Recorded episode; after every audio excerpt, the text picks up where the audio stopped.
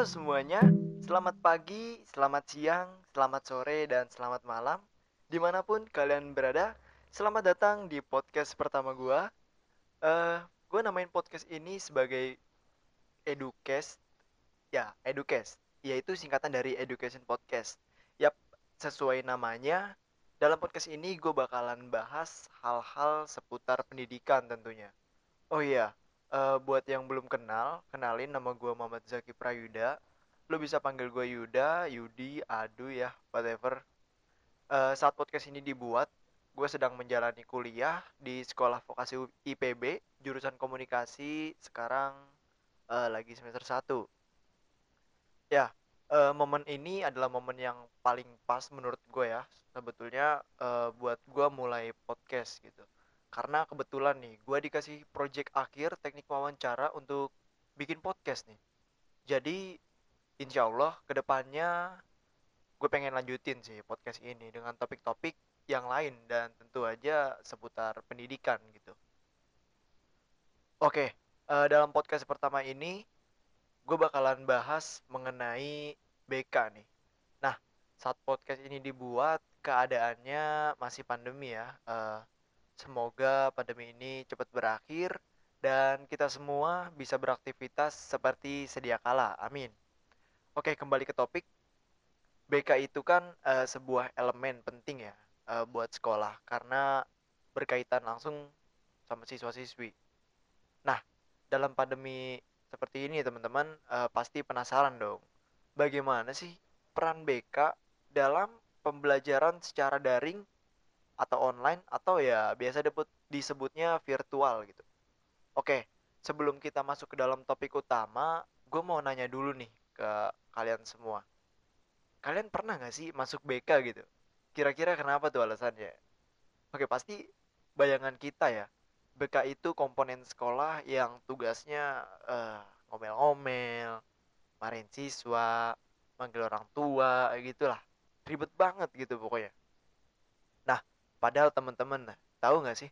Sebenarnya BK itu perannya bukan cuma ngomelin atau manggil orang tua aja loh. Oke, oke. Lebih jelasnya, gue udah wawancara sama salah satu guru BK dia sama gua, yaitu SMN 108 Jakarta.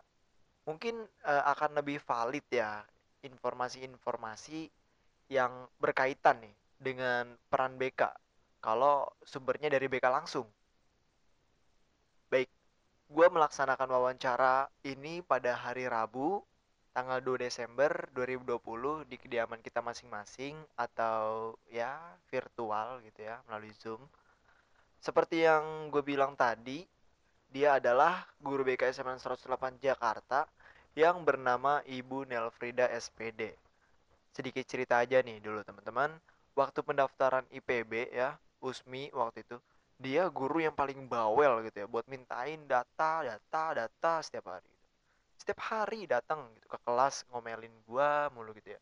Buat dilengkapin mana Yuda data-datanya, mana Yuda eh, datanya ini segala macam. Aduh, ya eh, pasti dia ngasih ngomel, dia juga ngomel juga karena kan buat kebaikan eh, gue juga gitu ya, jangan salah. Kalau dia nggak bawel, nggak bakalan mungkin ya gue masuk di IPB gitu jurusan yang gue mau lagi. Makasih ya Ibu eh, kalau denger podcast ini gitu. Oke, eh, jadi teman-teman, BK atau bimbingan konseling adalah pelayanan resmi yang ada di sekolah menengah pertama atau SMP dan sekolah menengah atas atau SMK. BK itu melayani siswa-siswi yang bermasalah maupun gak bermasalah, seperti siswa-siswi yang kesulitan dalam belajar, pengembangan diri, baik bidang sosial, belajar, karir, atau pribadi lah gitu. Nah, dari definisi ini aja kita berarti udah tahu dong ya, kalau BK itu bukan tempat buat dihukum atau lagi kena kasus aja kok. Ada pelayanan-pelayanan BK yang bisa kita gunakan sebetulnya untuk perkembangan kita khususnya dalam menemukan jati diri gitu atau bimbingan-bimbingan belajar. Apa sih memangnya peran BK gitu ya dalam sekolah? Emangnya penting gitu ya ada BK di sekolah? Oke, teman-teman, eh, BK itu perannya penting banget dah. Pasti nih ya, pasti. Di setiap anak punya lah kekurangan atau hambatan dalam belajar, bukan? Misalnya, kita nggak srek nih sama salah satu guru gitu ya. Kita bisa tuh curhatin ke BK yang nantinya mungkin BK bakalan berkompromi dengan guru tersebut gitu. Atau dia juga pasti bakalan ngasih gitu tips-tips untuk kita agar bisa beradaptasi sama guru tersebut sehingga proses belajar kita uh, dapat berjalan dengan baik gitu. Atau nih, pasti ya di setiap sekolah adalah anak-anak yang bisa dibilang anak nakal gitu ya. Nah, anak-anak tersebut dipanggil oleh BK itu bukan suatu hal yang negatif loh ternyata. Mungkin ada teman-teman yang pernah dipanggil BK gitu karena bolos atau cabut pelajaran gitu ya. Nah, BK manggil kalian itu supaya kalian tidak ngulangin lagi gitu.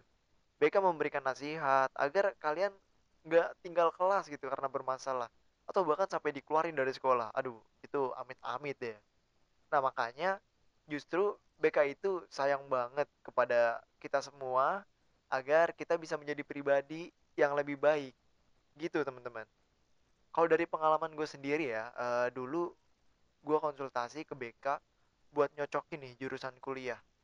Gue waktu itu uh, datang kelas 11 gitu. Yang awalnya gue pengen kuliah di STAN jurusan kayak pajak gitu ya atau eh bukan pajak. Bea cukai ya kalau nggak salah. Nah ternyata gue nggak cocok gitu di jurusan tersebut gitu. Di, di tes minat tes bakat dan akhirnya ya gue dikenalin lah sama jurusan komunikasi gitu gue coba lihat-lihat gue coba pelajarin loh kok nyambung sama diri gue gitu. Yang pada akhirnya gue seneng banget gitu kebantu makanya sampai sekarang gue masuk jurusan komunikasi itu ya enjoy aja ngerjain tugas atau uh, menjalannya tuh enjoy gitu. Karena ya tadi gue cocok sama jurusan ini gitu. Coba coba aja dulu gue nggak konsultasi gitu ke BK gitu ya. Mungkin gue nggak nyaman kali ya kalau misalkan ada di jurusan bea cukai gitu. Kali sekali lagi uh, saya ucapin terima kasih banget kepada ibu gitu ya udah bantu saya nah oke okay, oke okay. uh, nah kita udah tahu nih definisi dan peran BK kita sadari bukan bahwa peran BK itu penting banget ya dalam proses belajar mengajar. Duh, di, di situasi pandemi kayak gini ya tentu menghambat gitu segala macam aktivitas. Ya salah satunya pelayanan BK ini gitu. Kalau gue tanya ke Bunel waktu itu, dia bilang ya tentunya pelayanan BK juga menurun berbeda dengan saat offline gitu. Secara materi mungkin masih efektif lah ya. Tapi kan pasti adalah anak-anak yang memang butuh pelayanan BK gitu. Nah inilah tentu Bunel ini kreatif banget gitu dia buka membuka pintu seluas-luasnya gitu bagi anak-anak yang ingin konsultasi apa pun dan kapan pun pula jadi Bunel ini buka pelayanan BK bisa melalui telepon video call atau sekedar curhat aja di di chat WA gitu ya nggak apa-apa gitu yang terpenting bagaimana siswa tersebut bisa tetap memaksimalkan belajarnya walaupun di situasi pandemi seperti ini. Keren memang Bunel itu ya. Nah buat anak-anak yang bermasalah kayak misalnya nggak ikut belajar dari rumah atau BDR terus uh, lupa absen ya itu kebiasaan atau masalah-masalah lainnya gitu. Bunel itu biasanya langsung hubungin murid tersebut gitu ditanya kenapa alasannya nggak ikut BDR gitu. Dan mereka juga nggak bisa langsung gitu menyalahkan murid karena mereka kan ya bisa aja karena ada terkendala jaringan atau kehabisan paket gitu di situlah peran BK gitu agar bisa berkompromi dengan guru yang mengajar agar si anak didapatkan keringanan gitu dalam belajar. Kalau anak-anaknya lupa absen misalnya gitu, Budel tuh biasanya ngingetin anak-anaknya gitu. Iya dia peduli banget memang. Begitulah peran BK gitu, memang harus peduli. Tetap memperhatikan anak-anaknya dan gak cuek gitu terhadap anak-anak yang terkendala atau ada masalah lain. Gue nanya ya ke Bunel itu, sulit gak sih Bu jalanin peran BK dalam pandemi kayak gini? Iya, Bunel merasa sulit gak sulit katanya gitu. Misal, karena pasti ada aja anak-anak yang terkendala jaringan gitu ya. Pasti kan mengajar pun agak terhambat ya. Nah Bunel itu maksimalnya dengan cara mengurangi waktu pertemuannya. Misal di jadwal mata pelajaran pelajaran BK itu 40 menit. Bunel e, melaksanakan Zoom atau Google Meet cuma 10 sampai 15 menit. Sisanya anak-anak bisa ngerjain tugas yang udah dikasih lah gitu dan deadline-nya pun cukup lama ya karena ya kayak tadi kan pasti aja pasti ada aja anak-anak yang terkendala jaringan yang penting kata Bunel sih anak-anak ngerti, paham, dan ngerjain lah tugas-tugasnya yang dikasih. Nah, itulah teman-teman uh, hasil dari wawancara gue sama Bunel. Jadi peran BK itu penting banget ya dalam dalam pandemi seperti ini juga BK juga pasti punya strategi-strategi lah dalam memaksimalkan perannya gitu di sekolah dan di situasi pandemi seperti ini. Jadi jangan khawatir buat teman-teman yang mau konsultasi atau apa pun lah gitu. Karena pelayanan BK tetap berjalan gitu di situasi ini. Bahkan lebih mudah ya, bisa chat kapan pun gitu. Tapi tentu uh, teman-teman harus chat dengan sopan dan kalau bisa jangan chat di jam istirahat atau jam tidur gitu ya jam jam 9 malam atau jam 8 malam masih chat itu jangan kalau menurut gua ya. Oke, baiklah mungkin cukup sekian podcast dari gua. Uh, semoga enggak semoga pasti bermanfaat banget ya buat teman-teman yang dengerin ini. Pentingnya BK dalam pembelajaran online. Oke buat untuk podcast ini gue mau ngutip uh, sebuah quote dari yang namanya Winston Churchill yaitu dia berkata bahwa keberhasilan adalah kemampuan untuk melewati dan mengatasi dari satu kegagalan ke kegagalan berikutnya tanpa harus kehilangan semangat. Baik, terima kasih kepada teman-teman. Terima kasih kepada Ibu Nela Frida juga uh, telah mau menjadi narasumber saya pada waktu itu. Oke, sekali lagi terima kasih kepada teman-teman yang udah dengerin podcast ini. Uh, sampai jumpa di podcast selanjutnya. Bye bye.